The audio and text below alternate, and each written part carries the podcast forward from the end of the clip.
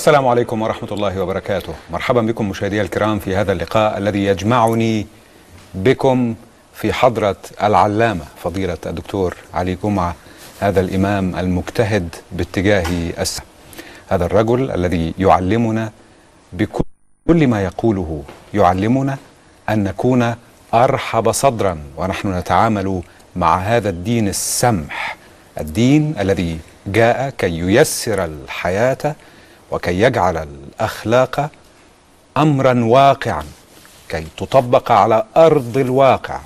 هذه هي روح الدين وهذا هو علي جمعة. سعدت مساء يا فضيلة الدكتور. أهلا وسهلا بك سيدنا. أهلا بحضرتك. مرحبا. الحقيقة سؤال الحلقة فضيلة الدكتور يشرح موضوعها. ودعني أطلع آه، مشاهدينا الكرام عليه. هل توافق على العيش في الغرب في دولة أجنبية عموما؟ وفق قوانين للأحوال الشخصية تختلف في بعض وجوهها عما نص عليه الإسلام الحنيف كتحريم تعدد الزوجات وكالمساواة الكاملة للمرأة بالرجل في الميراث وكإلغاء ولاية الرجل. هذا هو موضوعنا لكنني أحب أن أبدأ مع فضيلة الدكتور علي جمعة بأمر آخر وأرجو ألا نستغرق فيه الكثير من الوقت. أعرف آه، شوقكم للإنصات لحكم فضيلة الدكتور في هذا الشأن. لكن القمة العربية في الكويت يا دكتور وحال العرب لا يخفى عليكم. حال فيه انكسارات كثيرة. أدعو لهم يا سيدي. آه، ندعو الله سبحانه وتعالى بعد الصلاة على سيدنا رسول الله صلى الله عليه وسلم أن يشرح قلوب حكام العرب. ويشرح قلوب علماء المسلمين ويوحد بين هذه القلوب فإنه لا يؤلف بينها إلا الله. ولو أنفقت ما في الأرض جميعا ما ألفت بين قلوبهم ولكن الله ألف بينهم. فالمرجو هو الله والمأمول هو الله والفاعل هو الله سبحانه وتعالى. ولكن الله سبحانه وتعالى ينزل على العباد غضب الاختلاف والاختلاف غضب من عند الله. والخلاف عندما لا يرى النيات الصافيات ولذلك ندعو الله سبحانه وتعالى لأمير الكويت الذي دائما يحاول ال- الجمع الإخوة العرب وأن نتجاوز هذا. وكان آه، آه، مثله المرحوم آه، زايد وقد علم ابنائه هذا أيضا. ولهم مواقف في التاريخ كثيرة من آه، آه، رفع النزاع بين الأردن والفلسطينيين رفع النزاع ما بين سوريا والعراق رفع النزاع ما بين اليمن واليمن رفع النزاع ما بين اليمن والسعودية رفع النزاع ما بين مصر والسعودية في السابق أيام عبد الناصر وهكذا.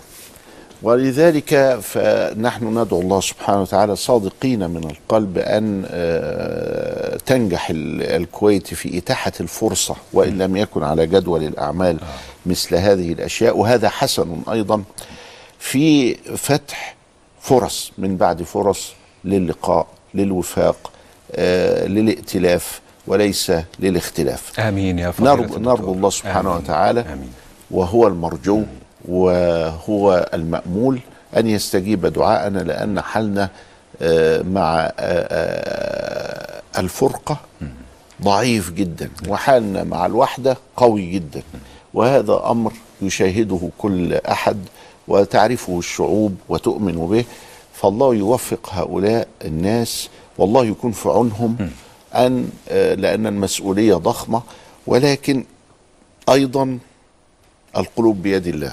فضيلة الدكتور باختصار شديد أيضا ما العلاقة بين الإسلام والعروبة؟ هو إحنا بنتكلم دايما عن الهوية مثلا في مصر. إحنا إيه؟ هويتنا إيه؟ إحنا فراعنه ولا إحنا أفارقة ولا إحنا شرق أوسطيين ولا إحنا من البحر المتوسط و و وثقافته. إحنا إيه؟ فبنقول هوية المصري العروبة والإسلام. أيوه. العروبة لكن لكن أنت هي قدمت أنت قدمت العروبة على الإسلام. هذا هذا هذا تقصده يا سيدي؟ لأنه هذه هي الدائرة الصغيرة ثم هذه هي الدائرة نعم. الكبيرة فمن المنطق أن نذكر الصغير قبل الكبير. العروبة هي عبارة عن لغة واللغة معناها الفكر. فطريقة التفكير الآن هي طريق- طريقة تتعلق باللغة العربية. نعم. والإسلام الحقيقة المقصود به هنا في تحقيق الهوية هو الحضارة. نعم. نجد اخويا المسيحي بيحب كحك العيد. مسلم ثقافة. ثقافة آه. وهو وهو وهو فرحان بهذا.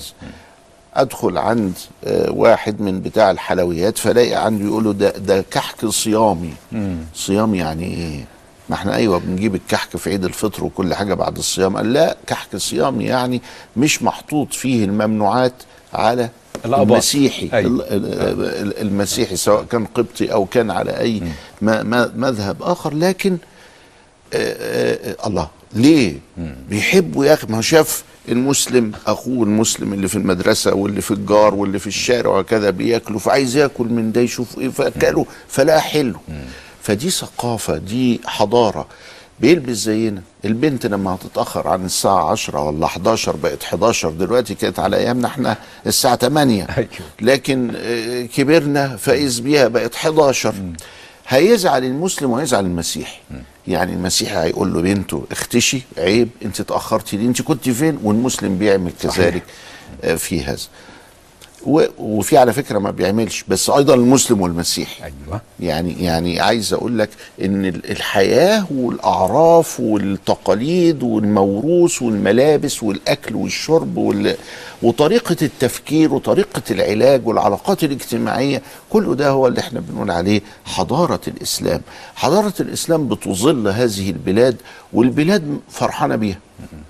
فإذا هويتنا ولذلك على طول وإحنا كنا بنحط الدستور. ما حدش اعترض ابدا من الإخوة المسيحيين ولا من اليهود ولا من أي حاجة إنه ينص على إنه والشريعة الإسلامية المصدر الأساسي للتشريع. الشريعة الإسلامية بتقول إيه؟ بتقول حافظ على النفس حافظ على المال حافظ على العرض حافظ على ال ال كذا. المقاصد الخمسة مكارم. الأخلاق. العقل اللي كذا اللي آخره. ولما حد بيتكلم عن التعليم في حد بيقول التعليم مسوأة؟ لما بنتكلم عن الصحة في حد بيقول إنه ك... بل حتى في التوصيف في حد بيقول إن إحنا يعني بلد متطور في الصحة أو بلد متطور في البحث العلمي؟ لا ما حدش.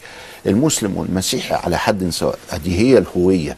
أدي العلاقة ما بين العروبة والإسلام. لأنه في فترة ماضيه يا دكتور الركنية. آه، ن- إنه دول الاثنين أركان الهوية. نظر البعض آه، إلى مشروع آخر مختلف كبديل عن المشروع العربي مشروع الخلافة إلى آخر هذا الكلام الذي يتجاوز العروبة. والجملة الشهيرة اللي أكيد سعادتك سمعتها ال- المسلم الباكستاني أقرب إلي من المسيحي المصري وهذا كان صادما وأظنه انتهى الآن يا سيدي. الغريب إنه حسن البنا آه، كان له مرحلتين في حياته. مرحلة من 28 إلى 38 ومرحلة من 38 إلى 48 حيث قتل في فبراير سنة 49 10 سنين و10 سنين تقريبا. في المرحلة الأولى أثار هذا الكلام وقال يا جماعة ده هي الوطن دايرة كده والأمة دايرة أوسع منها بتاع ماليزيا وبتاع آه، المسلم الأمريكي مثلا دايرة أوسع منها. فإذا تعارضت المصلحتين يبقى هقدم مصلحة الوطن. أيوه. ليه يا حسن؟ قال لأن أنت إيدك في الدايرتين. إيدك في الدايرتين مصر والأمة. عرضت إيدك اللي في دايرة واحدة. يبقى الاتنين يغلبوا الدايرة واحدة. بمعنى إن أي مصلحة للوطن هي مصلحة للأمة. إذا فأنا بقدم مصلحة ال- الوطن لأنها تشتمل وبلا شك مصلحة الأمة على مصلحة الأمة المفردة. فما يجيش إن اللي مش عارف الماليزي أو الأمريكي أفضل من أخويا المصري. ما, يجيش. آه. هو الناس دي مش فاهمة. الناس دي بتتكلم بحماس مش بعقل. الناس دي أنكرت الحق والحقيقة والتحقق. الأذواق والأشواق أنكروها. واشتغلوا في الظاهر. فمشوا بقى في الظاهر وده كلام كتير. آه. نعمل آه. له حلقة. آه والله. اللي هي ال- اللي بيقولوا عليها إيه؟ الأذواق والأشواق والأخلاق. أشتاق إلى الإنصات إليك في تلك الحلقة. إن شاء الله زملاؤنا في الإعداد يرتبونها يا سيدي.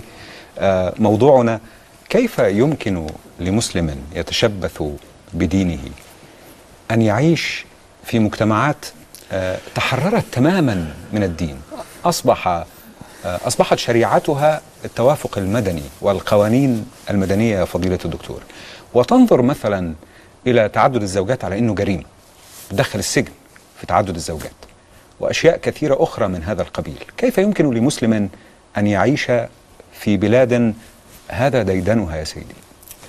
آه مطلوب الإجابة الآن ولا في فاصل؟ لا الآن. ال- سيدنا النبي عليه الصلاة والسلام أصله هو ربنا بعته. هداية. فلما بعته هداية بعض الناس اختزل هذه الهداية في السنة الأخيرة من حياته وده نعم. ما مش مظبوط. ده النبي عليه السلام فضل يوحى إليه 23 سنة. آه. فعمل لينا ما, ما أسميه أنا وكتبت فيه ومنشور وكل حاجة النماذج الأربعة. إيه النماذج الأربعة دي؟ النبي في مكة. يختلف عن لما قال لصحابته روحوا الحبش فإن فيها ملكا لا يظلم عنده أحد يعني العدل أساس الملك. فأصبح نموذج الحبشة وما فعله. جعفر الطيار مع النجاشي لغاية ما أسلم في النهاية من الأمثلة الراقية. مش أسلم بس. ده هو والرهبان بتوعه والعلماء بتوعه. هذا مؤكد فضيلة الدكتور اللي هو أن النجاشي قد أسلم؟ مؤكد آه. لنا. نعم. مم. بل هقول لسيادتك حاجة. لأن لأننا نعرف نعرف إثيوبيا وهي دولة مسيحية على نمط الكنيسة الأرثوذكسية يعني. ده جت بعدين. آه, آه. ال- حضرتك ال- هو الإسلام لا ينازع الناس أملاكهم وهو ده النموذج. وده نشرحه بتوسع. نعم. لكن نعم وأولاد الصحابة هم المسلمين بتوع إثيوبيا دلوقتي. وعلى فكرة بقى المسلمون في إثيوبيا هم الغالبية. آه. يعني نحو 60% صحيح. ربما معظمهم آه، ذهب إلى إريتريا في التقسيم الذي حدث بين إريتريا وإثيوبيا. دي عاملة زي الباكستان والهند؟ لأنه إريتريا ما أعرف أن فيها يعني أكثر من نصف السكان من المسلمين. لا ده ده إريتريا أكتر من كده. ده 70% نعم. من المسلمين. نعم. ولكن آه، آه، آه، المكان ده كان واحد. والمسلمون كانوا كثر فيه وهم أبناء الصحابة نعم. الذين تخلفوا حتى عن رسول الله. يعني الصحابة دول ما رجعوش المدينة. ده بعضهم رجع وبعضهم بقي في جوار النجاشي آه، آه، إلى أن مات. وخلف بقى هذه الخدمة حضرتك النموذج الأول مكة النموذج الثاني الحبشة. مكة شكلها إيه؟ مكة شكلها دولة ضد الإسلام والمسلمين. مثلا واللي هيصلي هنطرده وهنعذبه وهن... وهنقبض عليه. آه ده مش سامح. لكن عاشوا فيها. الحبشة الحكومة ما فيش مانع. صلي زي ما انت عايز في حرية. ولكن مع هذه الحرية إلا أنهم مش مسلمين هم على ديانة أخرى. نمرة ثلاثة المدينة أولا. لما النبي دخل المدينة أولا فوجدناه عنده مجموعة من المشركين مجموعة من اليهود مجموعة من المسلمين مجموعة من المنافقين آه. اللي بيظهروا الإسلام لكن هم في أصلهم بيحاربوه فراح عمل فكرة الوطنية اللي إحنا دلوقتي بنقول عليها الوطن وخلى الجميع شركاء في حماية هذا الوطن حقوق وواجبات وبعد كده اليهود خانوا مرة والتانية والتالتة وخرجوا عن مقتضى الوطنية وصدرت ضدهم أحكام قضائية وخرجوا خلاص وراحوا بطرق مختلفة. فأصبحنا في النموذج الرابع بلاد مسلمين وما فيهاش ولا واحد مش مسلم. نعم. فأصبحنا في أربع نماذج. الناس فاكرة إن النماذج دي راحت خلاص وإن إحنا فض... لازم نعيش في بلاد كلها تبقى مسلمين واللي ما يبقاش مسلم نضربه بالجزمة. الكلام ده لا علاقة له بالإسلام. الإسلام لا يعيش بالإسلام ولا بالواقع. ولا بالواقع آه. ولا بالتاريخ ولا بالدين ولا بالدنيا ولا بأي حاجة. الكلام ده تشويه مستمر للإسلام وللمسلمين بس يأتي من جهل بعض أبناء المسلمين. دعنا نشوق المشاهد الكريم وأنا أعرف أن مشاهدينا يا سيدي في غاية الشوق من غير تشويق للإنصات إليكم فضيلة الدكتور. لابد أن نذهب الآن إلى فاصل بعده نشاهد معا تقريرا ثم نكمل. وأنا أحب أن نكمل آه، من حيث قطعت أنا للأسف خيط الحديث لأن الفكرة في غاية الأهمية فضيلة الدكتور. بعد فاصل قصير آه، نشاهد التقرير ثم نعود للإنصات لفضيلة الدكتور علي جمعة.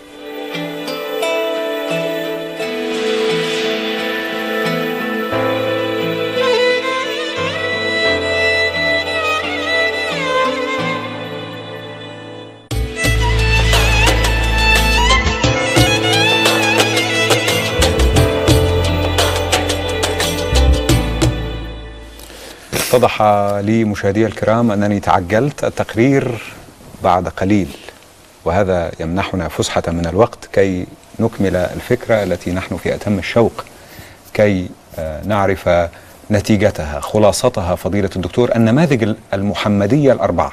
ترك النبي لنا نماذج أربعة نعيش فيها.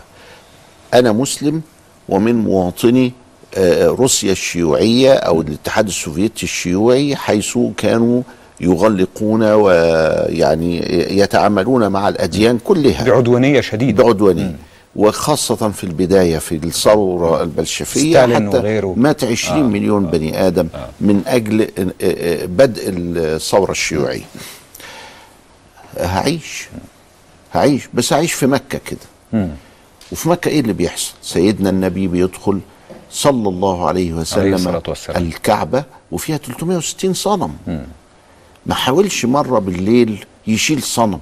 آه. ابدا وهو بيعبد ربه وبيسجد. طب لما تلاقي كده الحتة الصغيرة دي فيها 360 صنم. كان بيسجد إزاي؟ كان بيسجد فين؟ ما هو لازم الواحد يتخيل. آه مش هي الأصنام دي بتطفش الملائكة؟ هو في ملائكة بقى تبقى حوالين الحرم؟ آه. والحرم ده الذي نجسه المشركون بتلك الأصنام هو محل نظر الله سبحانه وتعالى وتنزل سكينته والأصنام دي دي أشياء ده عالم الأشياء ولا يؤثر حاجة في في هذا. وصلى. طيب يبقى ال- نموذج معين. لما جه سيدنا النبي يمشي على على المدينة خلى علي حتى سيدنا علي عليه السلام عليه السلام. علشان يرد للمشركين ودائعهم. آه. يعني إيه يعني المشركين حاطين عند النبي الودائع بتاعتهم لأنهم يستأمنونه. ما قالش ليه دول كفار ولاد كلب لا يعني وما رجع لهمش حاجة؟ ده ده سيبك آه. سيبك ما, من ما قالش ليه. كده صحيح؟ لا لأنه آه. ده حاجة عالية قوي. لكن سيبنا من كده. إحنا على المشرك نفسه. آه. راح للنبي ليه؟ شايف. راح للنبي لأنه محمد بن عبد الله سيد قومه. هم عارفين إنه ده سيد. آه. والأمين. وأنه أمين وأنه صدوق وأنه مصدق وهكذا. المهم إنه المشرك اللي رايح له ده النبي عليه السلام لا رفض إنه ياخد منه الوديعة. ولا المشرك نفسه جه وقال له والله أنا مختلف معاك في العقيدة وأنت بتقول إله واحد. أستأمنك. فأنا مش هحط عندك الحاجة دي لاحسن أي حاجة. لا, لا ما حصلش كده. اذا دول كانوا عايشين. نقعد بقى لو تأملنا في السيرة بهذه نعم. الطريقة هتطلع لنا النموذج المدني. إزاي كان بيتعامل معاهم؟ إزاي كان واحد لما جه وحبوا يستهزئوا بيه كان عنده دين مع أبو جهل. فراحوا قالوا له أنت عارف أبو جهل يحب مين؟ الراجل اللي هناك ده. وشاوروا له على النبي. فالراجل راح للنبي وقال له أنا عندي دين على أبو جهل ومش راضي يديهوني. قال له طب تعالى معايا. وخد والناس قال لك طب إحنا نتفرج دلوقتي أبو جهل هيعمل في محمد إيه؟ فلما فتح قال له يا أبا الحكم ولا ادي للراجل ده حاجته. فدخل الراجل وجاب الحاجة وعطاها له. فقالوا له الله ما كناش منتظرين منك كده أبو جهل.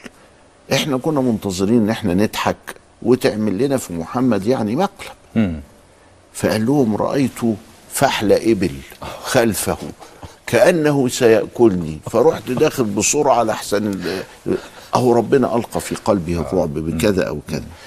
فالراجل إزاي يعني يروح للنبي؟ أو إزاي النبي يقوم معاه؟ حياة حياة. وكان هذه الحياة بتعطينا بقى لما نقعد ندرس كويس قوي ونجيب كل ال- ال- ال- المواقف والأحاديث ويطلع لنا ما يسمى بالنموذج المكي وهو ده اللي هنعيش بيه في وسط الدولة التي لا تريد. آه. إيه، بيعبدوا ربنا. راحوا في دار الأرقم ابن أبي الأرقم. آه يبقى ده جايز إن إحنا نروح آه، و- آه، واجعلوا بيوتكم قبلة. يعني اقعدوا صلوا في بيوتكم ما مالكمش دعوة ما اجيش بقى أقول لا ده أنا لازم اذن آه. تأذن؟ ما أنت هيقبضوا عليك. قال لا ما أنا ما يهمنيش. في سبيل الله كنا نبتغي رفع اللواء فليقم للدين مجده أو ترق فيه الدماء. وكأنه يا دكتور هذا يطبق النموذج في غير في محله غير محل. يعني يطبق نموذج المدينة المتأخر في في, في, في مكة. محل نموذج مكة. المبكر. واديله بقى. آه. لما نروح هناك عند ال- ال- الحبش هنلاقي وضع تاني خالص. ال- ابن عم النجاشي بينازعوا على الملك.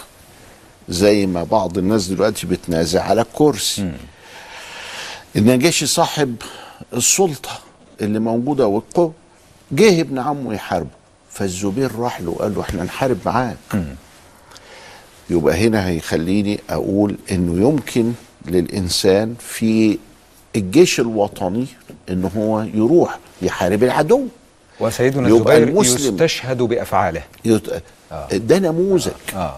ده نموذج. فالجندي الأمريكي ما دام هيحارب ناس ضد أمريكا وهو مسلم وينضم للجيش ويعمل ويتدرب وكل حاجة ويحارب. لكن في قضية إشكالية هنا فضيلة الدكتور لو أن الرصاص في بندقية هذا الجندي الأمريكي المسلم الأمريكي. نعم. سيوجه في صدور مسلمين ما دي كمان أز أزمة ضمير هائلة يعني. نروح بقى للقانون الأمريكي اللي حلها مستفيدا أو غير مستفيد أو يمكن ما يعرفش إحنا بنعمل إيه. ما هو الزبير ما قالش للنجاشي وأنت بتحارب المسلمين. آه. قال للنجاشي وأنت ابن. بتحارب ابن عمك اللي هو ضد الدولة. القانون الأمريكي بيقول إيه؟ بيقول إنك أنت جندي وترى عقيدتك إنك ما تقاتلش في الحرب دي. تبلغ قبل ما تصدر إليك الأوامر بالتعيين. فتعفى.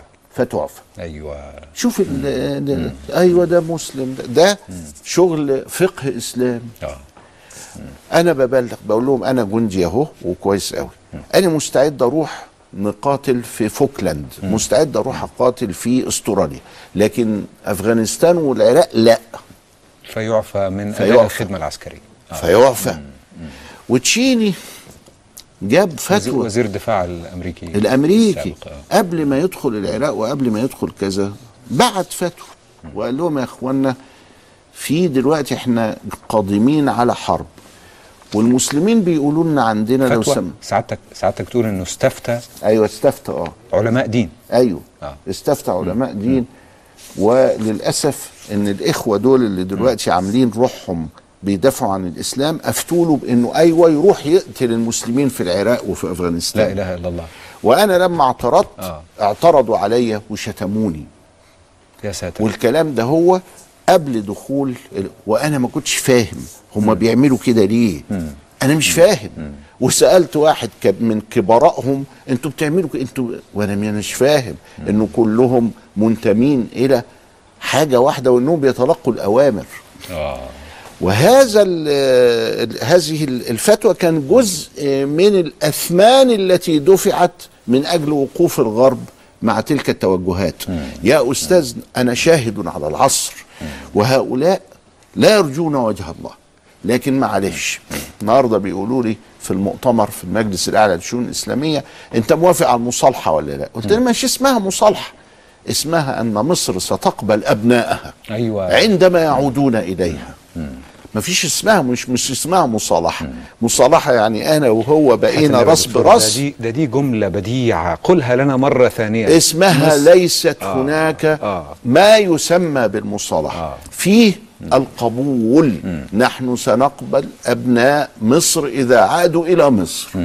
سنقبل أي شخص بأي توجه وأي عقيدة سيرجع إلى مصر ما دام محبا لمصر. أما مصالحة بمعنى مفاعلة من الطرفين أنا سيب وأنت تسيب إحنا مش أطراف مختلفة. أيوة. إحنا وطن شذ عنه من شذ فإذا أراد الرجوع فنحن هذه البلاد الأم الرؤوم التي س لا ترفض ولا تقصي ابنائها ولكن في نفس الوقت هذه ليس اسمها مصالحة. عليهم. تس- هم أن يعودوا يعود. الوطن. واهلا وسهلا بمن عاد. و آه، عفى الله عنك لما فض لهم. لمن آه. لم يعد آه. وأنا لله وأنا إليه راجعون لكن هذا لا علاقة له بالمحاسبة القانونية لكل من أجرم أو افتأت أو أراق الدماء دي حاجة تانية و... مسلمات. هذا الكلام الله من ينور المسلمات. الله ينور. إحنا بنتكلم على من لم تتلوث يداه بالدم ال ال ال النموذج الحبشي بيقول لي حاجات كتير بس أقرأ بقى واستنبط واشوف كيف عاش المسلمون في دولة غير إسلامية ولا تقبل الإسلام. آه. وده هو الحال يعني إنجلترا مثلا إنجلترا لو كنت في زمن معين دخلت بالمصحف كانوا ياخدوه ويحرقوه ويحرقوني. أيام محاكم التفتيش. النهارده إنجلترا بتطبع المصحف ألمانيا بتطبع المصحف. لو أنت عارف سعادتك إنه في الفنادق الكبرى في آه، آه، بريطانيا في عموم أوروبا والولايات المتحدة يسألك عامل الاستقبال موظف الاستقبال عن الكتاب المقدس اللي تحب أنت إيه؟ عايزه. آه تحب إيه؟ تحب بالك. الكتاب المقدس ولا القرآن ولا كما تشاء ولا و- اليوبانيشاد ولا الهندوسية ولا البرمون آه, آه بالظبط بالظبط ال- آه. آه، اذا أنا في جو تاني جو مكان مش هو ده اللي قال فيه الفقهاء ويحرم حمل المصحف إلى بلاد غير المسلمين ليه؟ لأنهم بيقتلونا بيهنوه بيعملوه. ما بقاش يهنوه ده بقى يحترموه. وبقى على فكرة إهانته جريمة. صحيح. تستوجب صحيح. العقوبة. صحيح. لا أنا بتعامل في جو تاني. أنا كده انتقلت من مكة اللي هي إنجلترا. آه. إلى الحبشة اللي هي إنجلترا دلوقتي. آه. نفصل ذلك بعد الفاصل يا سيدي وأرجو أنه أيضا آه يكون هذا هو الوقت الملائم لمشاهدة التقرير. بعد الفاصل آه لكنني أحب أن أسأل فضيلة الدكتور علي جمعة أيضا عن التفاصيل لأن الناس تغرق في بحر آه مرتبك ومتلاطم من التفاصيل منها مثلا آه تجريم تعدد الزوجات وال...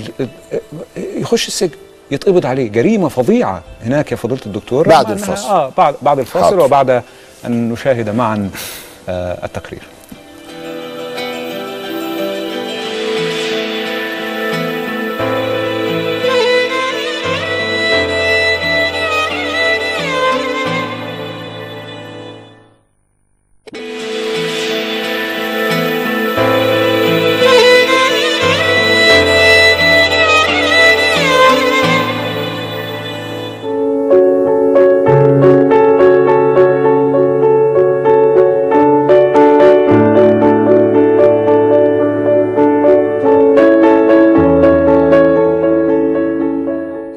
الأحوال الشخصية في الغرب مختلفة تماما عنها في البلاد الإسلامية وده بيخلي بعض من المسلمين اللي عايشوا بره يقارنوا بين قوانين الأحوال الشخصية في بلادنا. في حاجات كتير قوي آه، لاحظتها هناك في مسألة الأحوال الشخصية. أنا استغربت جدا إن هي مش موجودة هنا.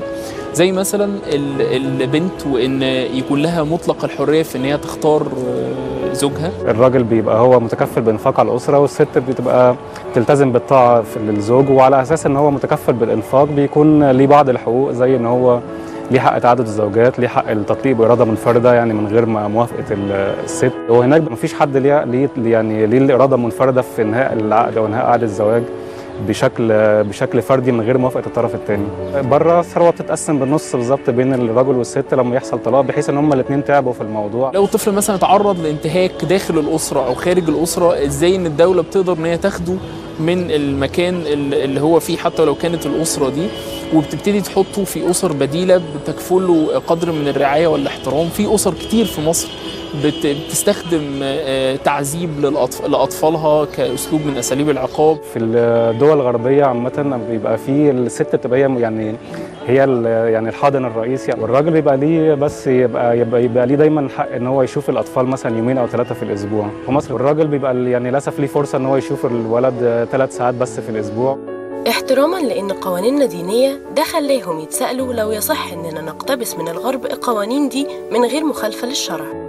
أنا ما أقدرش اجزم ان أنا اعرف ان في حاجة في الدين بتقول البنت ممكن تقدر إن هي تتجوز آه، بمفردها ولكن أنا بتساءل هل الدين يحد من ده؟ هل الموضوع الرؤية اللي هو الثلاث ساعات آه، في الأسبوع مثلا بالنسبة للراجل هل دي ليها يعني يعني سند شرعي أو ليها يعني يعني في حاجة في يعني واضحة في الشريعة أو في الفقه مثلا بتدل على كده؟ هل يجوز إن إن إحنا نقدر ناخد الطفل ده من الأسرة إذا ثبت إن الأسرة دي بتعتدي عليه سواء جنسيا أو بتعتدي عليه آه، آه، بدنيا؟ لو في حد مسلم عايش بره مهاجر بره أو يعني أو مقيم بره بشكل دائم فهل من حقه إن هو يعني يتبع الشرع حتى لو ده بيخالف للقانون؟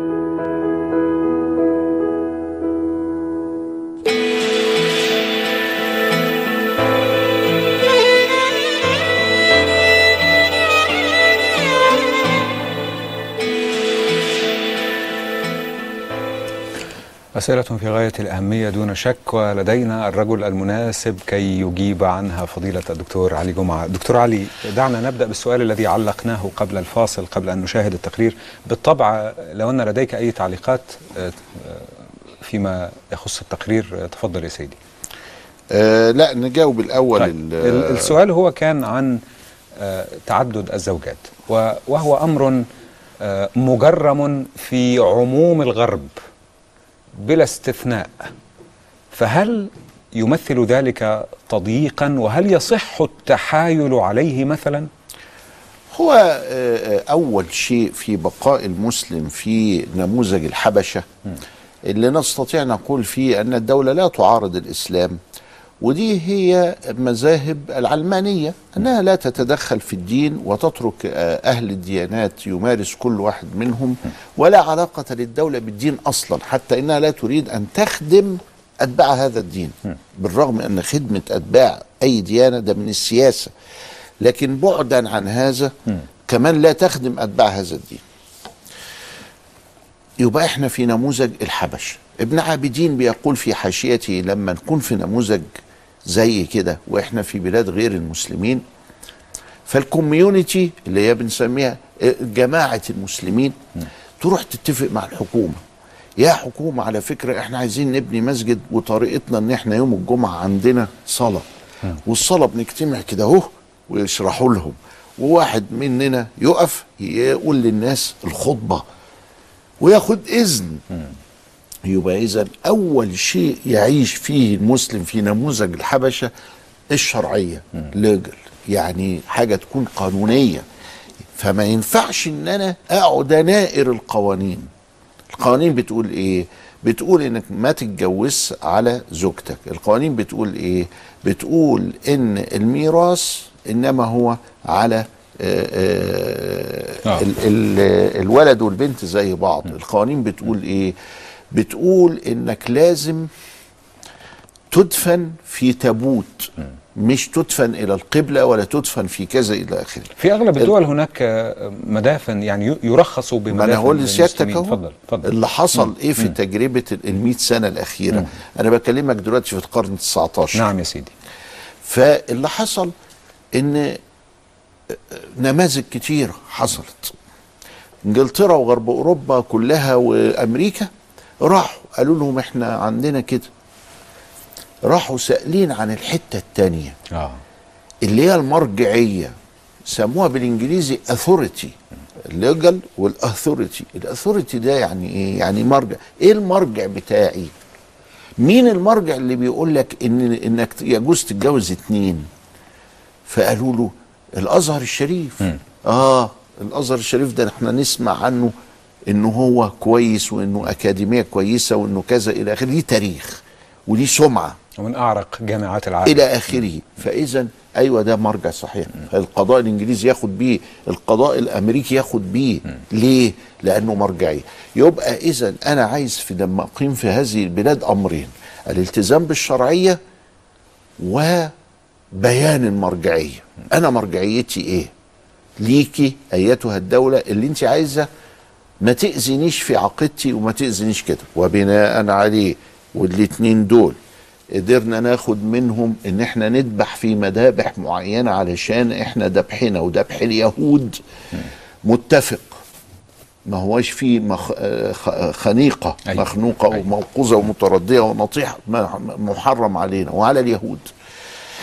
إحنا والخنزير ممنوع علينا. فعايزين يبقى لينا أكل خاص. فاليهود عملوا الكوشر وإحنا بناكل من الكوشر ده لأنه بالظبط إسلامي. وكمان مذكور عليه اسم الله.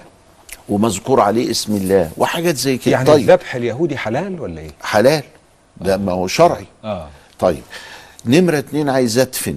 فهدفن بالطريقة الفلانية. نمرة تلاتة أنا عايز وأنا بتزوج أتزوج باتنين شهود والولي ومش عارف نعم. إيه كذا أركان الزواج عندي وصيغه. فبروح أتجوز في المركز الإسلامي وسمحوا لهذا. صيغة اهي اتفقنا مع بعض. عايز أقيم الجمعة واتفقنا معاهم على قيام الجمعة. لغاية ما الكوميونتي المسلم أصبح له كينونة وأصبح له مدافن وله مذابح وله آه، طقوس ويحتفل بالعيد وكذا وكذا وكذا. اذا هو ده اللي إحنا عايزينه. آه. المرجعية والشرعية. الاثنين دول ما ينساهمش أي شخص يقيم هناك. جاي بقى أنا عايز أتجوز تاني. طيب.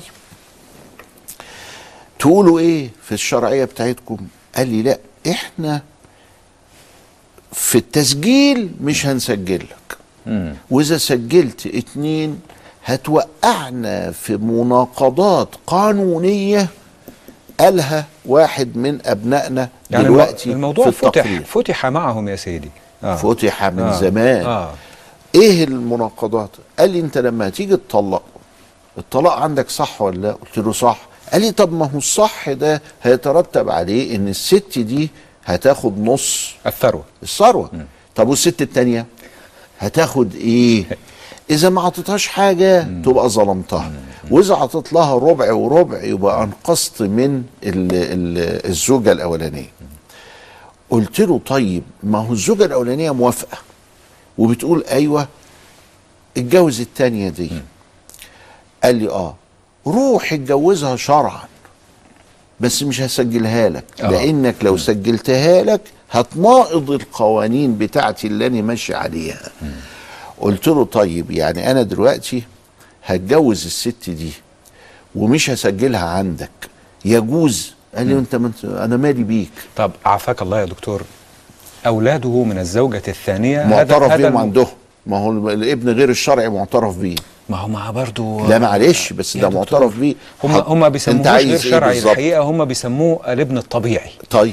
ابن الابن الطبيعي ده ما هو برضه يعني ال- الواد ال- ال- نفسيته تتأثر و... و... يعني الابن الطبيعي ما هو لو خرج بقى وعلمته مش معنى أخويا من الزوجة الأولى دي مشكلتك انت. دي مش مشكلة بقاء المسلم آه، في آه. بلاد غير المسلمين.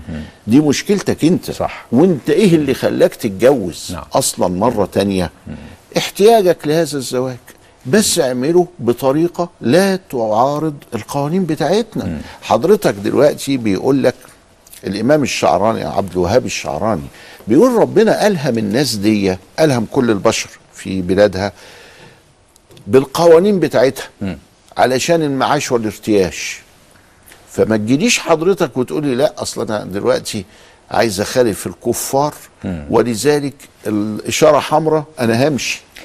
انت ليه؟ أنا مستعجل يا أخي. أنا معايا مريض. وهكذا. ما ينفعش الكلام ده.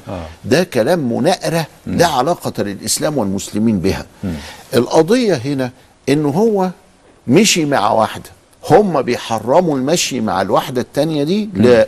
لا ابدا. بس آه. مشي آه. بما يرضي الله فتزوجها. مم. تزوجها على الشريعة يعني. مم. بس هي عندهم في في القوانين بتاعتهم ما دمت ماشي. طب والزوجة عارفة؟ أنا ما تعرف وأنا مالي. بالظبط. كل دي أحوال شخصية. شوف الكلمة.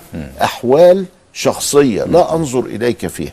فيبقى المسلم قادر في غرب أوروبا الآن إنه يعمل كده. أشد من كده بقى حصل في الهند. الهند من الدول اللي أعلنت صراحة إنها علمانية.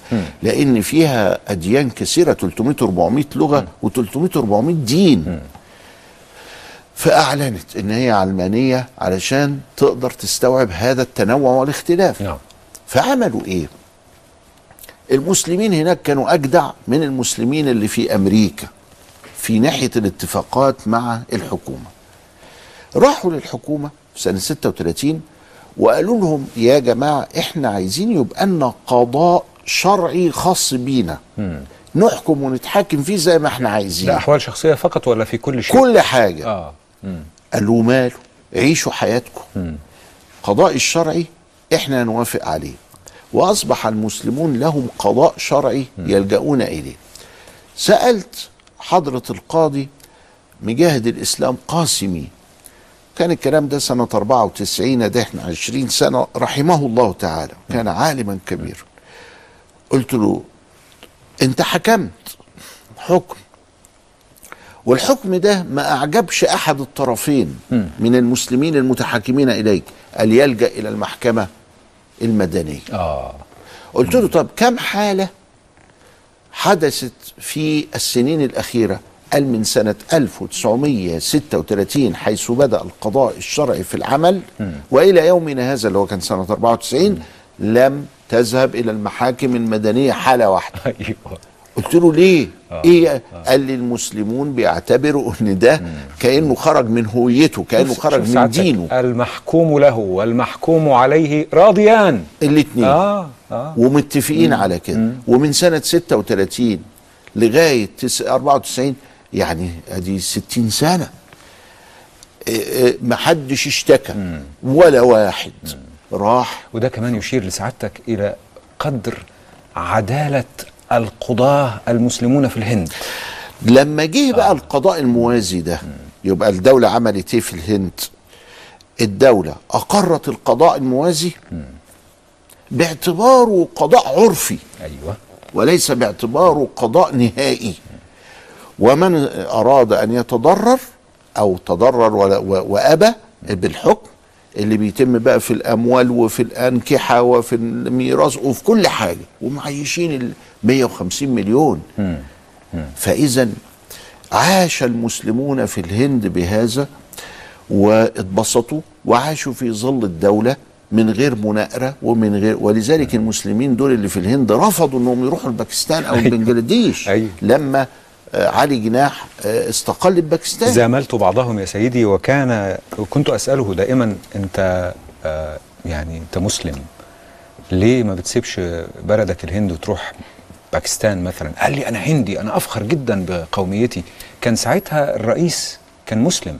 ما هو لغاية دلوقتي الرئيس آه أبو. الك- أبو الكلام أزاد. آه. لا أبو الكلام أزاد ولا إيه؟ مات. ولا مين؟ انتقل إلى رحمة الله تعالى لكن ده آه، آه، تتالى لما انديرا غاندي كانت موجودة كان رئيس مسلم. كان رئيس مسلم. لأنه طبعا النظام في الهند هو نظام برلماني. يعني رئيس الوزراء أو رئيسة الوزراء هو اللي بيحكم حكم فعلي.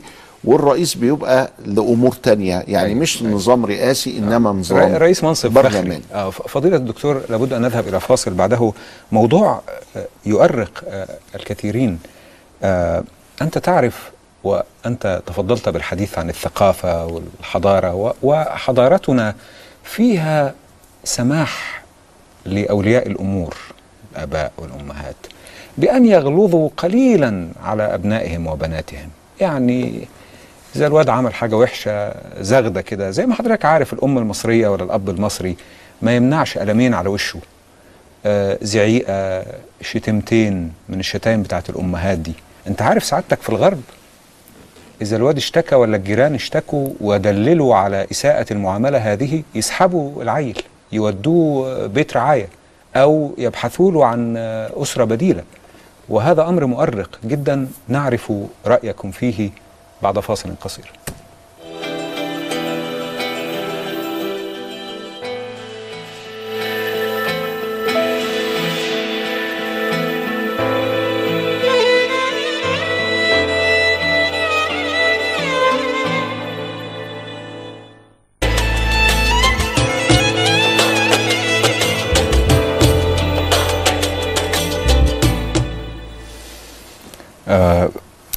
أحد أصدقائي آه، ابنته آه، تحمل جنسية أوروبية وهي آه، طفلة في بدايات المراهقة. عنف بها ذات مرة كما يفعل الآباء المصريون والعرب عموما يعني. هذا هذه ثقافتنا فما كان من البنت إلا أنها اتصلت بسفارة بلدها. وخلال ساعات قليلة قام أحد المسؤولين في تلك السفارة بزيارة آه، الأسرة طرق الباب قال لهم أنا آه، نائب القنصل فلان الفلاني أنتوا بتعذبوا البنت اللي هي آه، اللي من جنسيتنا دي ليه؟ وكانت جلسة طويلة ومريعة مرهقة لأعصاب صديقي ولأعصاب زوجته أم الطفلة وقال لهم شكوى أخرى وهتبقى مشكلة كبيرة لأننا هنسحب البنت. ولم تكن هذه الأسرة تعيش في هذا البلد الأوروبي الذي تحمل الفتاة جنسيته. آه الناس دي متشددة ولا ده الصح يا فضيلة الدكتور؟ حسب الحال يعني اصله إحنا بنصور الأمور بطريقة كاريكاتيرية يعني نقول إنه هو عذبها وهو فزع فيها مثلا أو على صوته. لا احترمي نفسك حاجة زي كده. لا ما يجراش حاجة آه، آه. وليس هناك في أوروبا ولا في أمريكا. وبعدين زغدة برضو في كده يعني أنت عارف. ما هو في فرق بين إنه شخص يحبس بنته آه. في البدروم في ال basement ويقعد حابسها آه، آه، مدة طويلة 20 سنة زي ما سمعنا حكاية في النمسا التعيسة النمسا آه، وكذا إلى آخره. ودي آه، أحداث متكررة ودي أمراض نفسية أصلا. وما بين إن واحد بي آه، بي بيعلي صوته على ال- الولد أو البنت. لا إحنا كده بن بنصور ال- الغرب برضه بشيء آه، ليس فيه هم ما بيتعاملوش بال- بالكاريكاتير ده. آه. لكن الشكوى بتبقى محل تحقيق ونظر. يعني لما البنت تتصل بالبوليس أو الولد بيتصل بالبوليس بياخدوها مأخذ الجد. آه. مش بيطنشوا. مش بيقول لها طب وماله؟ ده يقطعك. ويرميكي في الزيت و مش أبوكي؟ مش ابوكي لكن لا هو ما بيعملوش كده. لكن في نفس الوقت ما هوش إن آه، آه، وإحنا في أمريكا بنشاهد الأسر وفي الشوارع بي الأب بيعنف على الأولاد آه، وبيقسو عليهم والأم كذلك من غير نكير حتى من من من بقية ال ال الناس. لكن مش إحنا بنيجي نعملها بقى بصورة كاريكاتيرية آه. إن هو فزع في الولد فاتصل الولد. ليه؟ الكلام ده ما هوش سليم. في ولاية خاصة للأم على الأطفال لغاية سن 18 سنة. فتستطيع إنها تقهر البنت وتقهر الولد بالخروج والدخول والفسحة والمصروف وكذا إلى آخره وتضبط الأمور. والواد اتعلم في المدرسة كده. آه. فإذا هي مش كاريكاتير قوي كده زي ما آه، كثير من الناس مع الصدمه صدمة اختلاف الثقافات. إحنا لما بنروح بنصدم. أنا عايز لكن ما تمسكهاش آه، تمسكش البت تزرق لها وشها وتديها بالبنية ويعني ب- برضو ده كمان آه، النبي عليه السلام ده افتئات شديد. لما نروح بقى للأخلاق النبوية فإنه آه، يقول أنس أنس رايح له ابن عشر سنين. آه، أم سليم بنت ملحان أم أنس. جابته قالت له خلي ده خادم تبعته هنا تبعته هنا. فربنا أكرم أنس بن مالك بأن لازم رسول الله. يا سلام. من ساعة ما جه المدينة إلى الانتقال الشريف يعني عشر سنوات. الولد كان عنده عشر 11 سنة بقى عنده 21 سنة. بيقول إنه في حياته ما مدش إيده عليا. آه. في حياته رحت مرة أقضي له مشوار وبعدين لعبت مع الأولاد. طفل. فاتأخرت عليه. فلما جيت قال أرهقتني.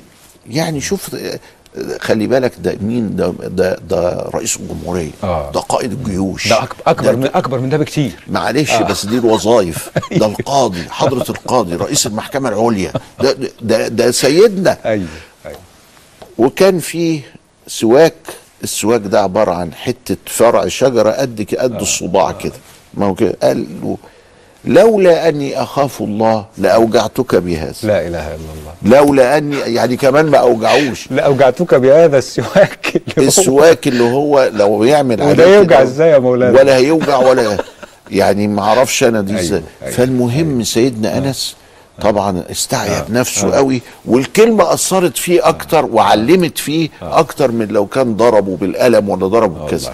فتيجي تقول لي انه. ضرب آه. وزرق الوجه النبي عليه السلام لم يمد يده على أحد. الناس تتعلم بقى مش بيقولوا قدوتهم يتعلموا. هو ده السلوك. فضلت لا على امرأة آه. ولا على طفل سلام. ولا على أحد إلا أن يكون في الحرب. آه.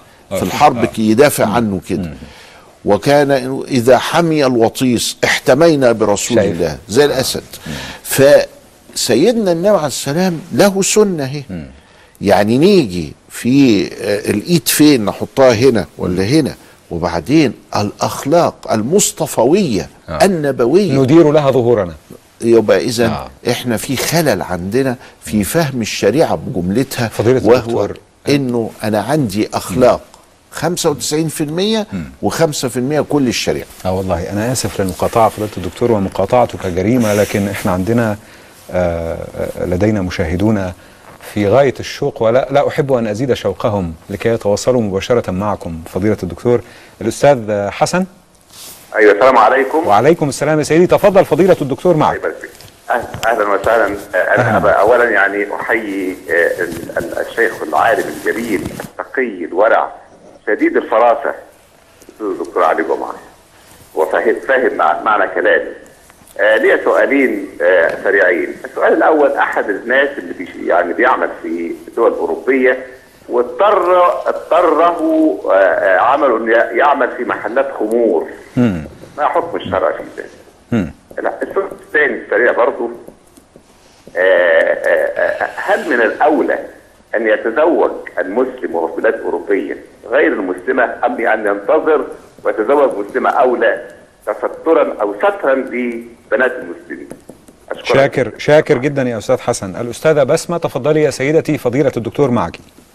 أهلا يا فندم السلام عليكم. وعليكم وعليكم السلام السلام. ورحمة الله وبركاته. أكلم فضيلة الشيخ من فضلك. معك يا سيدتي. تفضلي. آه، استاذن حضرتك يا فضيلة الشيخ أنا كنت آه، من يومين ببص على الفيسبوك فلقيت حد حاطط post. ال post عليه خريطة مصر منقوصة. المثلث بتاع حلايب وشلاتين مم. ولما عملت search على الإنترنت لقيت برضو إن جوجل وأطلس حاطين نفس المشكلة ان إن الخريطة ناقصة. فأنا طبعا حاولت أبعت ايميل لكذا يعني برنامج وكده علشان خاطر يعني نتلافى لأن أنا مش هعرف حد من المسؤولين أقول له ده حاجة مهمة جدا بالنسبة للوطن ما حضرتك بتتكلم. عن الوطن يعني طبعا فأستأذن حضرتك تتبنى هذا الموضوع لأنه ده اولادنا أنا اولادي هما بعد شوية الموضوع دوت هيبقى على الإنترنت ولادي هيتعلموا كده وهي دي خريطه مصر هتبقى في مخهم ولاد كل الناس. والله يا أستاذة بسمه آه، أنا مسرور جدا يعني. أنا مسرور جدا من روحك الوطنية الحية هذه. شكرا آه، جزيلا أستاذة بسمة ومباشره إلى الأستاذة سامية. أهلا بك يا سيدتي فضيلة الشيخ معك. السلام عليكم ورحمة وعليكم الله. السلام ورحمة الله وعليكم وبركاته. السلام. فضيلة الدكتور الجليل أنا كنت عايزة أسأل سيادتك إن ابني في بلد أجنبي.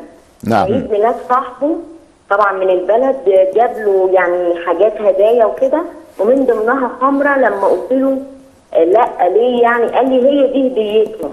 وأنا قدمتها بس أنا ولا قعدت معاهم ولا شربت معاهم طبعا ولا حاجة الحمد لله. هو مسلم وبيأدي صلواته كاملة يعني. ده السؤال الأول. فيعمل إيه؟ آه حضرتك هو بياكل طبعا شرايح من سوبر ماركت لحمة أو فراخ وطبعا أكيد هي لم يذكر اسم الله عليها. فهو يعمل إيه؟ وهو ما فيش هناك أكل متاح غير كده. فمشكور يعني حضرتك ترد على الأسئلة لو سمحت. شاكر جدا يا سيدتي. الأستاذة صفاء أهلا بك وفضيلة الدكتور معك. لا اسمعينا من الهاتف يا سيدتي. طيب يبدو يبدو إنه انقطع الاتصال بالأستاذة صفاء. الأستاذة شيرين أهلا بك. ألو السلام عليكم. وعليكم السلام. اتفضلي. آه اولا يعني ربنا يخلينا دكتور علي جمعة. يا رب. آه أنا بس ليا سؤال صغير. آه لو أنا عايزة أقرأ حاجة في تفسير القرآن إيه أسهل حاجة أقدر آه. امم وحاجة تانية معلش بعد إذنك. اتفضلي. هل في إمكانية إن ميبقاش في فواصل في البرنامج وبعدين لما يبقاش لما يبقاش في فواصل طيب آه، مش حضرتك متصورة إن ده يبقى برنامج غريب جدا ساعة ونص ورا بعض كده الشيخ محتاج يتنفس كمان ولا إيه؟ أنا شاكر جدا يا أستاذة شيرين شاكر جدا. طيب آه نبدأ بحديث الأستاذ حسن الذي آه أشار إلى رغبته في أن يحصل على حكم قاطع منكم فيما يتعلق بالعمل في محلات خمور في أوروبا. نعم هو ال- الحقيقة أنه من أقام في تلك البلاد آه، اصطدم بما آه، قرره آه، أبو حنيفة وأصحابه من أن العقود الفاسدة حلال مع غير المسلمين في بلاد غير المسلمين. مش فاهم. مش فاهم. الواحد وهو قاعد في فرنسا.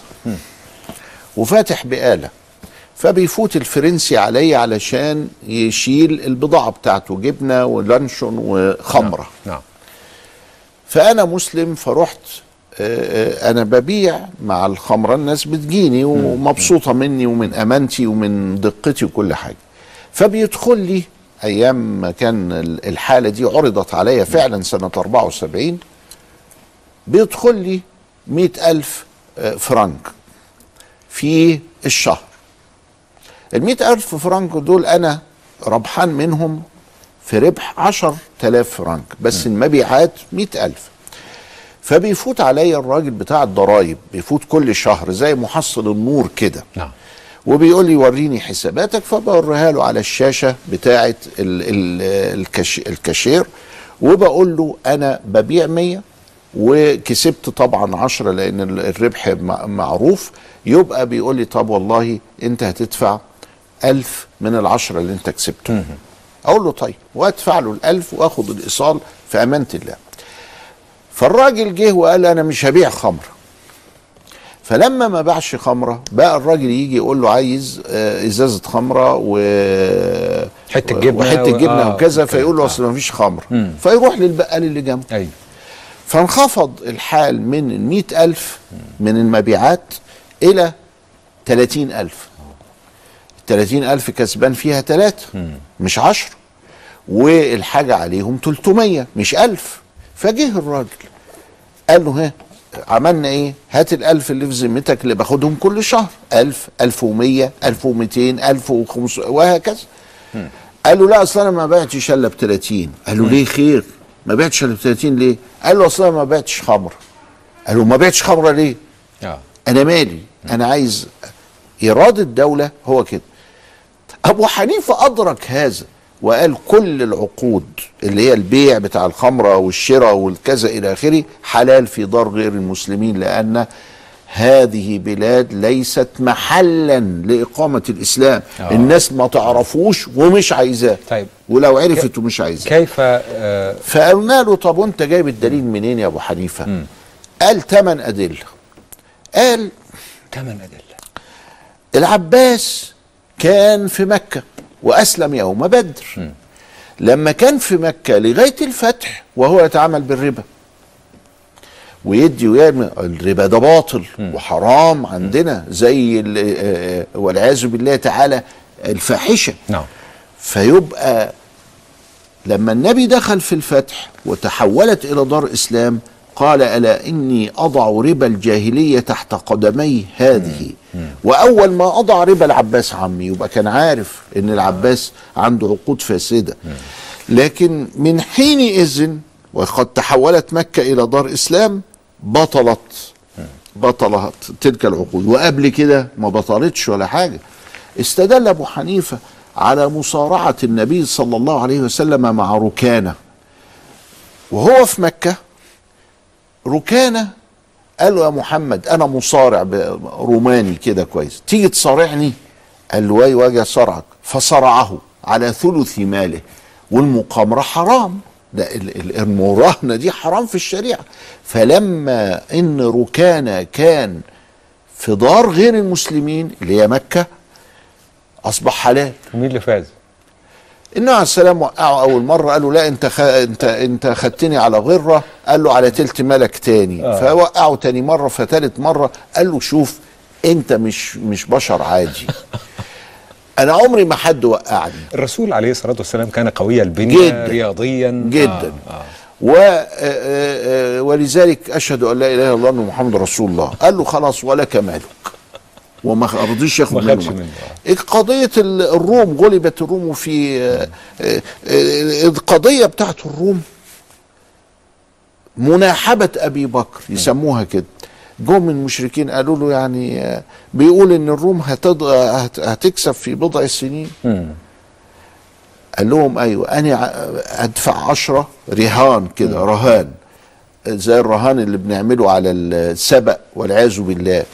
رهان عشرة من الإبل في إن فعلا في خلال ثلاث أربع سنين تغلب الروم. وراح للنبي قال له قال له لا زد في المدة لأن بضع السنين دي في بضع من واحد سنين. لعشرة من واحد لتسعة. من و... من ثلاثة لتسعة. آه. يبقى البضع هنا خليهم تسعة وقول العشرة دول بقى مية.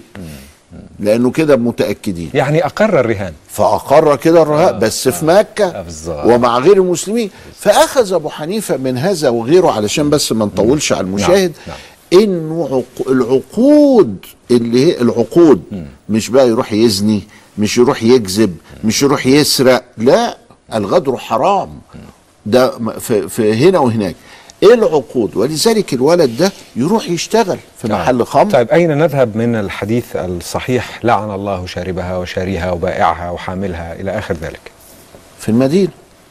آه. في بلاد المسلمين. نعم.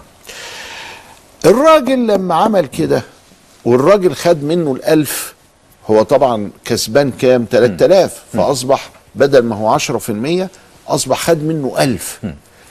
قفل المحل وراح يشتغل عند واحد بقال تاني فباع الخمرة أيوة. والخنزير. يبقى اتخرب بيته. الناس دي الريال استيت والعقارات وكذا إلى آخره. لازم نبيعها على مذهب أبو حنيفة. لأن الشافعي بيقول كله ده حرام. نعم. ماشي. لكن أنا كمان بتخير من الفقه ما يقيم أود المسلمين في العالم آه. وما يحقق فكرة النماذج الأربعة وما يجعل المسلم قويا يده العليا مش يده السفلى. ولذلك إحنا بنقول إنه يجوز العمل في الخمور. الزواج. من غير المسلمة آه. إحنا مش بنرحب بيه. وعلى فكرة مش إحنا بس. ده إحنا والمسيحيين أيضا مش مرحبين بيه. لأن الأسرة دي وهي متمسكة بدينها وده متمسك بدينه ما بتبقاش. ولذلك لما يجي يسألني الشاب قبل الزواج أقول له ما تتجوزش اتجوز مسلمة. لما يجي يسألني بعد الجواز ومخلفين أقول له لا خلاص استقر علشان أمسك عليك زوجتك وأولادك ولأن دي عيلة وما دمت سعداء. يبقى إحنا قبل فتوانا بتتغير. وبتتغير ليه؟ علشان إحنا عايزين المصلحة. الخريطة ناقصة.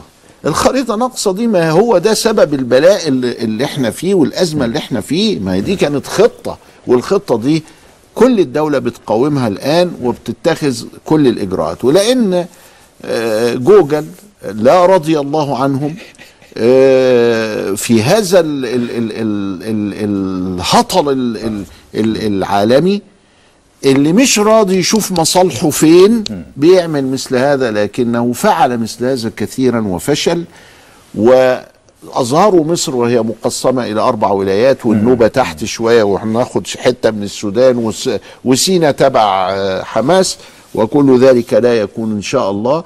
وكل هذا مليء الدنيا بالإنكار عليه ويقع في صحيح زي ما بتقول بسمة آه، ب- بعض التجاوزات وإحنا له بالمرصاد. آه، الأخت سامية آه، بتقول إن ابنها بي- بيأتيه هدية خمرة من ال من أو, أو أنه هو الذي لا أهدى هي إلى بت... أحدهم. لا لا لا هي بتأتي له الهدية فبيقدمها لهم. لا يرميها في الكابينيه. يرميها في الحمام. آه، آه. ما يعملش كده لأن الخمر نجس. طيب حتى حتى وإن كنت أنا قد آه، فهمت خطأ إهداؤها حرام. طبعا. مقطوع به وانتهى الموضوع. نعم. آه تمام. آه، أكل ال- لا أصل شوف شوف شوف الفرق بين الاثنين شوف لما أقول له يروح يبيعها لأنه دي عقود وانه لا ما يقدمهاش لأن دي ثقافة. دي ده, ده يعني ده, ده دينك. أنت ليه بتعمل كده؟ لا تشربها ولا تهديها ولا تقرب منها. ولا تعزم بيها ولا تضايف ولا, ولا الكلام ده خالص. خالص. آه. آه. و- وبيحترموه لأن دي عقيدتي. والعيال الصغيرة لما بنوديهم المدارس بيكتبوا لهم ده بورك ده هام آه. بورك خنزير اوعى تاكله وفرحانين مع بعض يا عم كده وبيعلموهم الانتماء من هذا وإنه كل واحد يعيش. وهذا هو الذي يعلم التنوع ويعلم الاحترام. لكن إن كان آه ابن آه أختنا صفاء الذي آه يعيش في بلد غربي ولا توجد آه لديه طريقة لكي يتأكد. هو البرجر اللي بياكله ده يمكن ده لم يذكر عليه اسم الله لم يذبح بطريقة شرعية. ومفيش أكل تاني يا مولانا. لا هي بتقول أهون آه، من آه. هذا. آه طبعا إحنا لما بنكون في هذه الحال ناكل سمك. فإذا ما كانش موجود سمك ندور على kosher. إذا ما كانش هناك ال kosher موجود اليهودي. ال kosher اليهودي. آه. إذا ما كانش فيه kosher يهودي نقول طيب حلال حلال ميت. طب إذا ما كانش فيه حلال ميت طيب آه آه ناكل بروتينات البروتين آه كتير. البقول يعني. البقول. طب إذا ما كانش فيه كده يبقى في فتوى إن إحنا نأكل. لحديث السيدة عائشة الفراخ دي وكل حاجة وال والأشياء دي ونسمي اسم الله عليها لأن إحنا مش عارفين هي ما المصيبة مذبوحة. المصيبة تكون مخنوقة يا مولانا.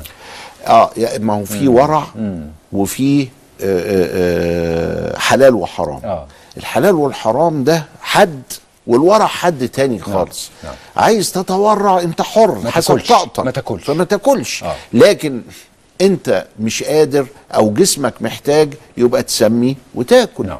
يعني ما بين نعم ولا مراحل كتيرة صحيح. مفيش أبيض وأسود كده صحيح. وبعدين الأخت شيرين بتقول آه.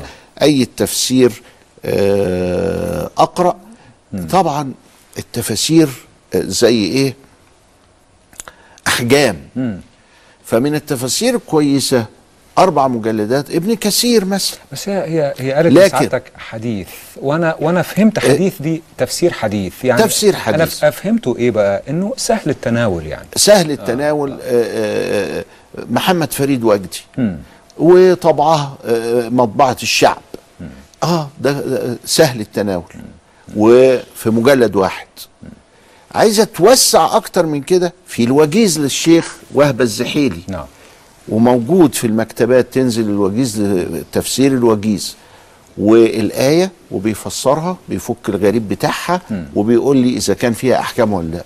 طب في برضه في مجلد واحد. آه فضيلة الدكتور آه الحقيقة آه شاعت الآن المواقع التي آه تقدم هذه التفاسير لكل مرتادي الشبكة العنكبوتية كما تعرفون وهي تقدمها مجانا بدون آه أي رسوم.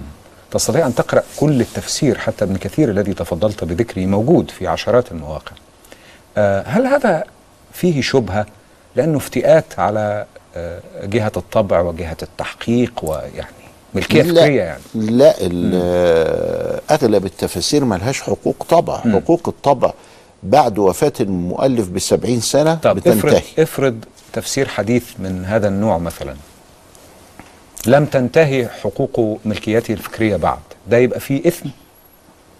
ما هو في آه، آه، آه، الإثم بيتأتى من التربح مش من الاستعمال. آه. يعني أنا دلوقتي مكتبة اشترت كتاب. للشيخ وهبة الزحيلي وده حقوقه محفوظة للطابع وكل حاجة. وأنا رحت قريته في المكتبة. يبقى ده استعمال. طبعا. لكن لو إني طبعته وربحت آه. ده آه. فأنت بتقول الموقع حطه. آه ده حط النسخة اللي اشتراها. فمن حقه أن يضع هذا. اذا ففي فرق ما بين التربح وما بين الاستعمال. الاستعمال حلال وما فيش أي حاجة وكلنا لازم نستعمل وننقل العلم. لكن التربح في أذية للناشر صحيح. الاصلي زادك الله رحابة الصدر يا سيدنا وليس من المستغرب أنه أختنا شيرين تريد برنامجا معك بلا فواصل لأنه كل يمكن هي قصدها إنه ما نكترش الفواصل شوية كل فاصل بيخصم من حضورنا في مجلسك يا سيدي. آه، لدينا الكثير من المتصلين والكثير من التعليقات على الرسائل النصية القصيرة وعلى تويتر لكنني أبدأ معكم بالفيسبوك وأذكركم بسؤالنا مرة أخرى. هل توافق على العيش في الغرب وفق قوانين الأحوال الشخصية التي آه، تجرم تعدد الزوجات وتساوي المرأة بالرجل في الميراث؟ وتلغي ولاية آه، الرجل. أنا كنت عايز أعلق على كلمة سعادتك. تساوي. آه. طبعا تركيا دلوقتي ماشية بعد ما كانت آه، ماشية على الشريعة لغاية الخلافة ما سقطت العثمانية تسير الآن إلى المساواة. فجاءتني امرأة تقية تركية وقالت لي أخويا يدعي بانه المساواة دي غير شرعية. طب أبوك كان مسلما ولا كان كافرا؟ قالت لا كان مسلم.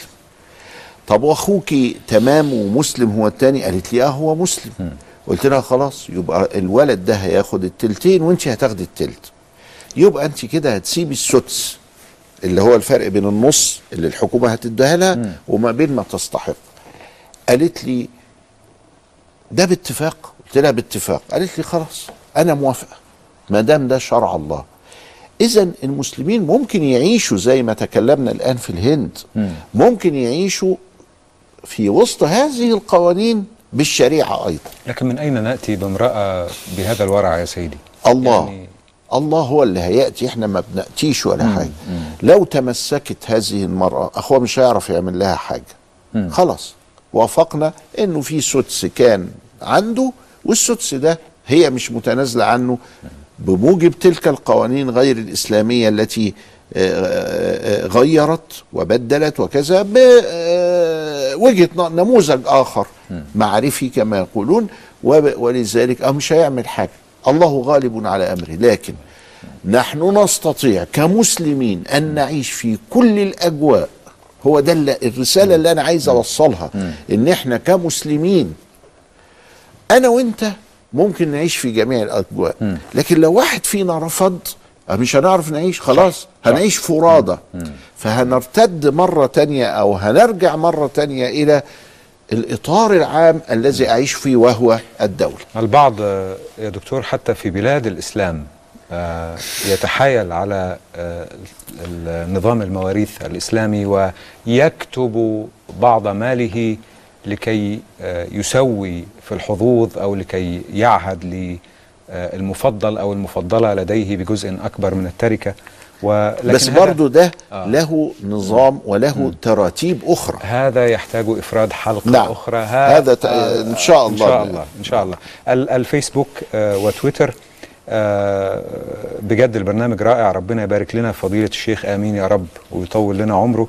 بس أنا كامرأة لا أوافق لأن إسلامنا يقدر المرأة وأرى المساواة في ديننا الحنيف أكثر من المساواة التي آه، تطالب بها المؤسسات الحقوقية. ديننا يصون المرأة ويحميها. جزاه الله. خيرا. آه. وخليها معانا هنا. آه. يعني ما أنا ما بقولش لحد يهاجر. ده إحنا بنتكلم على مشكلة أعمق. وهي الامريكاني الأصلي الهندي الأصلي الياباني الأصلي يعمل إيه؟ يعني هو ولد هنا ولا يعرف وطنا سواه نعم. هو ده اللي إحنا بنتكلم كيف يعيش ويتعايش أما المهاجرين فيتحمل مسؤوليته صحيح. وبيبقى بالغ ده في أكثر, من 20 مليون مسلم على الأقل في أوروبا في وحدها أوروبا وحدها، آه. آه. الأستاذ أحمد رجب أبو العزم إذا لم يكن سوى آه لم يكن هناك سوى هذا المصدر للرزق ولابد للعيش في هذا البلد لابد من العيش في هذا البلد فسأكون مجبرا على الاندماج في المجتمع الغربي بما لا يخالف شرع الله. هذه حقوق التنازل عنها لن يضر الشريعة وسوف أقبل. شكرا للورع. ولكن أيضا لا نكلف الناس ولا نحاكمهم إذا تركوا الورع وتمسكوا بالحلال والحرام. الأستاذ عبد الرحمن محمد سيد الإجابة على هذا السؤال من أيسر ما يكون وكما علمنا فضيلة الدكتور آه، في تفسير قوله تعالى خذ العفو وأمر بالمعروف وأعرض عن الجاهلين والله أعلم. وأمر بالعرف. وأمر بالعرف طبعا أنا آسف. هذا خطأي أنا ليس خطأ الأستاذ عبد الرحمن نعم، يعني. للأمانة. الأستاذ محمد مصطفى الضرورات تبيح المحظورات إذا كنت مضطرا للعيش هناك. إذا كنت مضطرا للعيش هناك فسأحاول تطبيق الشريعة على نفسي قدر المستطاع. أظن آه، إحنا في غاية الاتفاق يعني, نعم، آه. يعني فقط ده عند- الواقع مم. الواقع. وهو فقط عند- دراسة النماذج الأربعة هتحل كتير من النفسية. هتخلي الواحد معتز بإسلامه أينما كان. مم. الأستاذة صفاء معنا عبر الهاتف. أهلا بك يا سيدتي تفضلي وعليكم السلام. بحضرتك فضيلة الشيخ دكتور علي جمعة. يسمعك يا سيدتي. اتفضلي أنا سيدة مطلقة من محافظة سوهاج والدي ووالدتي متوفيين. ومعايا طفلة صغيرة يتيمة الأب. إيه يعني أبوها الله يسامحه مطرح ما جاءت إيه كنت ضمن أبوها في قرض تبع معرض الإخلاص الشركة الدولية معرض أجهزة كهربائية. ضمنت القرض وسابني ومشى وطلقني واتنازلت عن كل جميع حقوقي حاليا ما لقاليش مكان أقعد فيه أنا ولا بنتي. وعليا حكم نهائي حضرتك. مطلوب مني من معرض الأجهزة الكهربائية 10000 جنيه وحاليا متعرضة للحبس للسجن في أي وقت. ومعايا طفلة يتيمة. أنا اتحبست مرتين قبل كده ما لقيتش حد يطلعني خالص. بنتي بتروح مؤسسة أيتام. وحالتي لا حول ولا قوة بها. ما لقيتش أي حل على مستوى جمهورية مصر العربية حضرتك فضيلة الشيخ. ومتعرضة للسجن حاليا في أي وقت. ومش لاقية أي مصدر رزق ولا أي معيشة لبنت الصغيرة. سيبي نمرتك. سيبي نمرتك يا صفاء في الكنترول. السيدة أم محمد آه، فضيلة الشيخ يسمعك يا سيدتي تفضلي. السلام عليكم. وعليكم, وعليكم السلام. السلام. حياتي لفضيلة الدكتور وربنا يا رب يجازيك على كل خير بتعمله فينا يا فندم. الله يخليك. اتفضلي يا آه، كنت بس حضرتك يا دكتور أنا عندي شهادات آه، في البنك يعني مبلغ وكده. فكنت عايزة أسأل عن زكاتها وأنا أصلا يعني بصرف على البيت يعني أنا ما بقولش إن جوز أنا حاجة سيئة جدا بس يعني اللي بيجي مش مكفي خالص. فأنا أنا بس بصرف على البيت. في نفس الوقت مثلا يعني برضو بساعد ناس من أهلي والكلام ده كله. فأنا بسال هل شهادات الاستثمار هل أدفع الزكاة؟ 2 ونص ولا أدفع 10% عن العائد؟ دخلت على النت فاتلخبطت جدا؟ وخايفة أدفع 10% مثلا يكون ربنا هيجازيني أو يكون ده غلط ولا أخد رأي الأيسر أعمل إيه وهل عليا وزر أو لأ؟ طيب يلا. شكرا شكرا يا سيدتي. آه، المشاهدة الكريمة أم هشام. فضيلة الدكتور يسمعك يا سيدتي تفضلي. السلام عليكم فضيلة وعليكم السلام. لو تسمح أنا بطلب من حضرتك تفهموا الأولاد الصغ- الشباب اللي عندهم الجدود اللي إحنا الجدود علاقة الجدود بال بالأحفاد إيه؟ واحترام ال- الجدود إزاي؟ لأن برضك دي حاجة مش عارفينها ال- الأحفاد. شاكر حاضر. جدا سيدتي شاكر جدا. الأستاذ شريف أهلا بك. تفضل فضيلة الدكتور يسمعك. السلام عليكم ورحمة الله. وعليكم السلام. وعليكم السلام. إحنا عندنا مجموعة بيوت جنبنا كده فبتنزل عندنا مجموعة من القطط فحاولت إن أنا أسربها أو آه، أو أمشيها من البيت ما عرفتش. اولا بتتبرز على السلم بتاع البيت فحاولت ان أنا اسربها ما عرفتش خالص ان أنا اسربها فهل ممكن نموتها بسم أو نعمل أي حاجة مم. فهل ده حرام ولا مش حرام؟ طب وحتى لو شاكر. موت قطط قبل كده هل يقع عليا وزر؟ آه. طب كفارة شا- الوزر ده إيه لو موت قطط قبل كده؟ مم. أنا أنا شاكر جدا لسؤالك هذا وهو سؤال آه، الحقيقة يمس آه، يمس حال الكثير من المصريين هذه الآونة التي تكاثرت فيها يا سيدي عافاكم الله الكلاب الضالة وال آه، ده غير ده غير أيضا آه، هناك حالة من ال- الإقبال على تربية الكلاب في البيوت ربما لداعي الحفاظ على الأمن. والأصوات تكون مزعجة جدا وأحيانا الجراء الصغيرة تطلق في الشوارع فتتحول أيضا إلى كلاب ضالة. ال- الموضوع صار مزعجا. فدعنا نبدأ بالأستاذ شريف إن تكرمت فضيلة الدكتور. ماذا يفعل بهذه القطط؟ لحل هذه المشكلة كان في زمان عندنا حاجة اسمها جمعية الرفق بالحيوان وكانت جمعية الرفق بالحيوان عندها آه عندها عربيات. وكانت تسير في الشوارع لاصطياد القطط المتوحشة والكلاب الضالة. آه. وكان عندهم أنا فاكر هذه وأنا صغير آه، في أواخر الخمسينيات كيف كان الرجل ينزل للقبض على الكلب السعران أو الكلب الضال أو العادي العادي اللي هو بيعتدي يعني ال- الحيوان اللي بيعتدي. فكنا بنأمن أن نعذب الحيوان لأن هذا ضد الإنسانية وضد البيئة وضد كل حاجة وأن إحنا كمان ما نأتيش بضرر من هذه العوادي. العوادي يعني هي القطة آه لطيفة وكويسة لكن ممكن تتحول إلى مسعورة وإلى آه، ضارة. وكان ال- الكلب اللي الواحد يعضه ياخد 21 حقنة في بطنه. كان ساعتها كده. ف ال- وإلا يصاب بالسعار والعياذ بالله ونهايته الموت. فاذا العدوان ده يعني إيه في لأ إحنا مش هنسكت على العدوان.